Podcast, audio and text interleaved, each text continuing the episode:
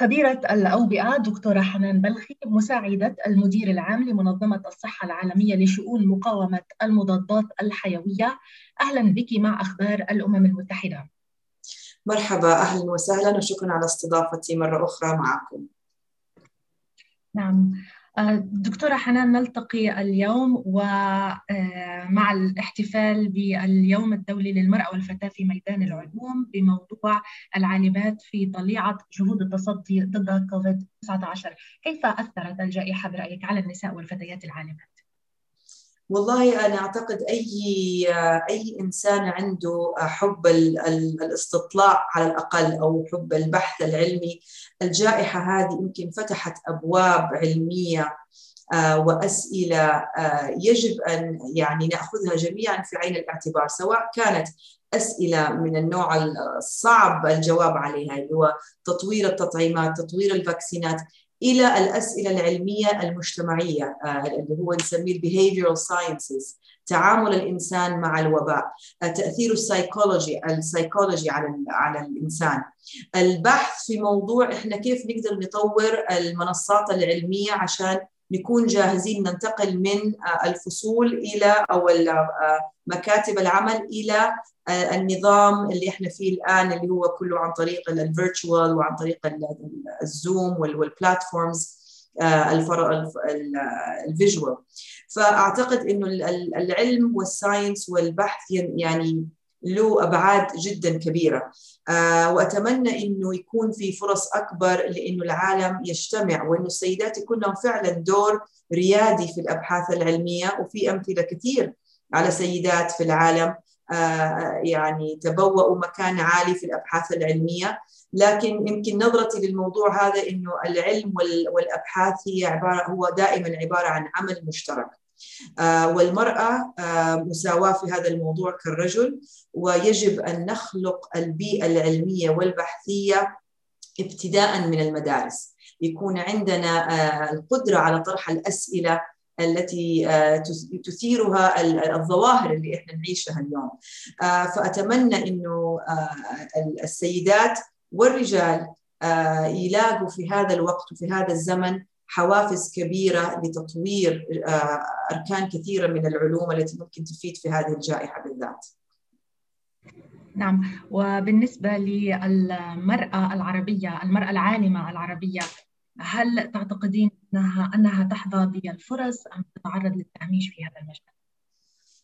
آه هذا سؤال صعب طبعا الجواب عليه أنا أعتقد المرأة عموما أو المرأة العربية يمكن آه وجودها في المجتمع آه ما أعطاها الفرصة الكافية بسبب عدم وجود هذه الفرص الكافية. آه البيئة العلمية موجودة دائما في الأكاديميات في الجامعات.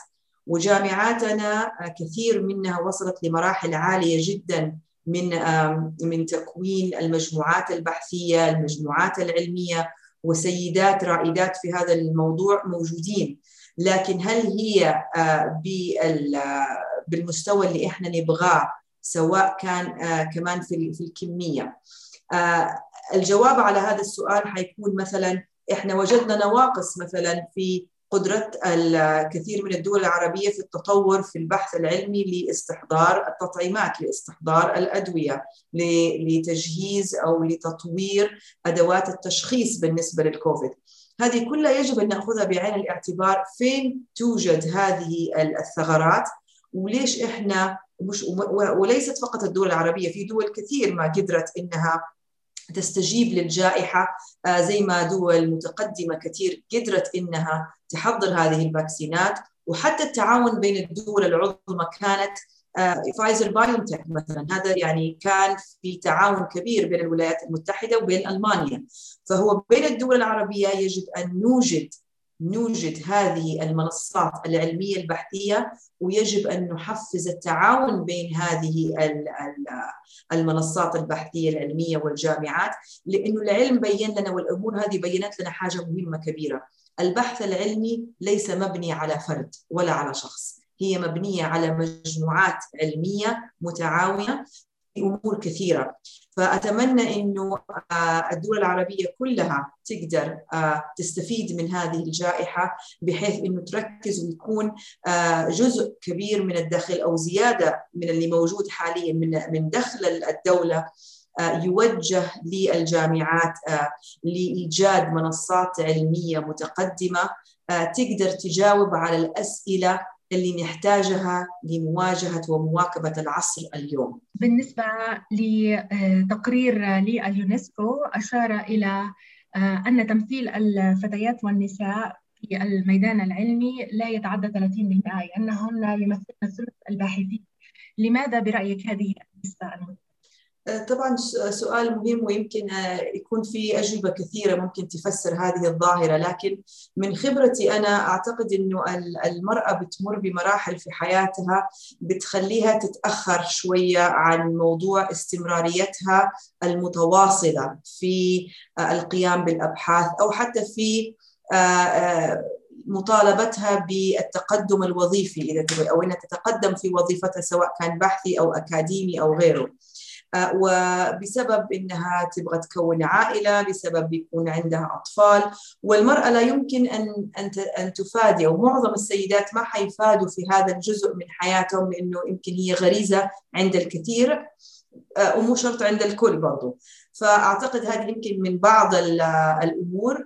أنا ك لما كنت كإدارية وعندي بنات في سيدات في مقتبل العمر كنت دائما لازم نعطي ولازم نستوعب إنه في فترة من حياتهم حتكون فيها بناء العائلة و و و وضغوط عليها أكثر من الرجل بسبب الحمل والولادة والاهتمام بالطفل الرضيع. آه لذلك آه الكثير من السيدات اللي أعرفهم اللي وصلوا لمراحل كبيرة كان عندهم آه دعم كبير من داخل العائلة بالذات الزوج أو الام والأب والمحيط عملية انتقاد المرأة في مسيرتها العملية بتخليها دائما تضع علامة استفهام هل أنا في الطريق الصحيح؟ هل هذا أهم ولا عائلتي أهم ولا الاهتمام بأولادي أهم؟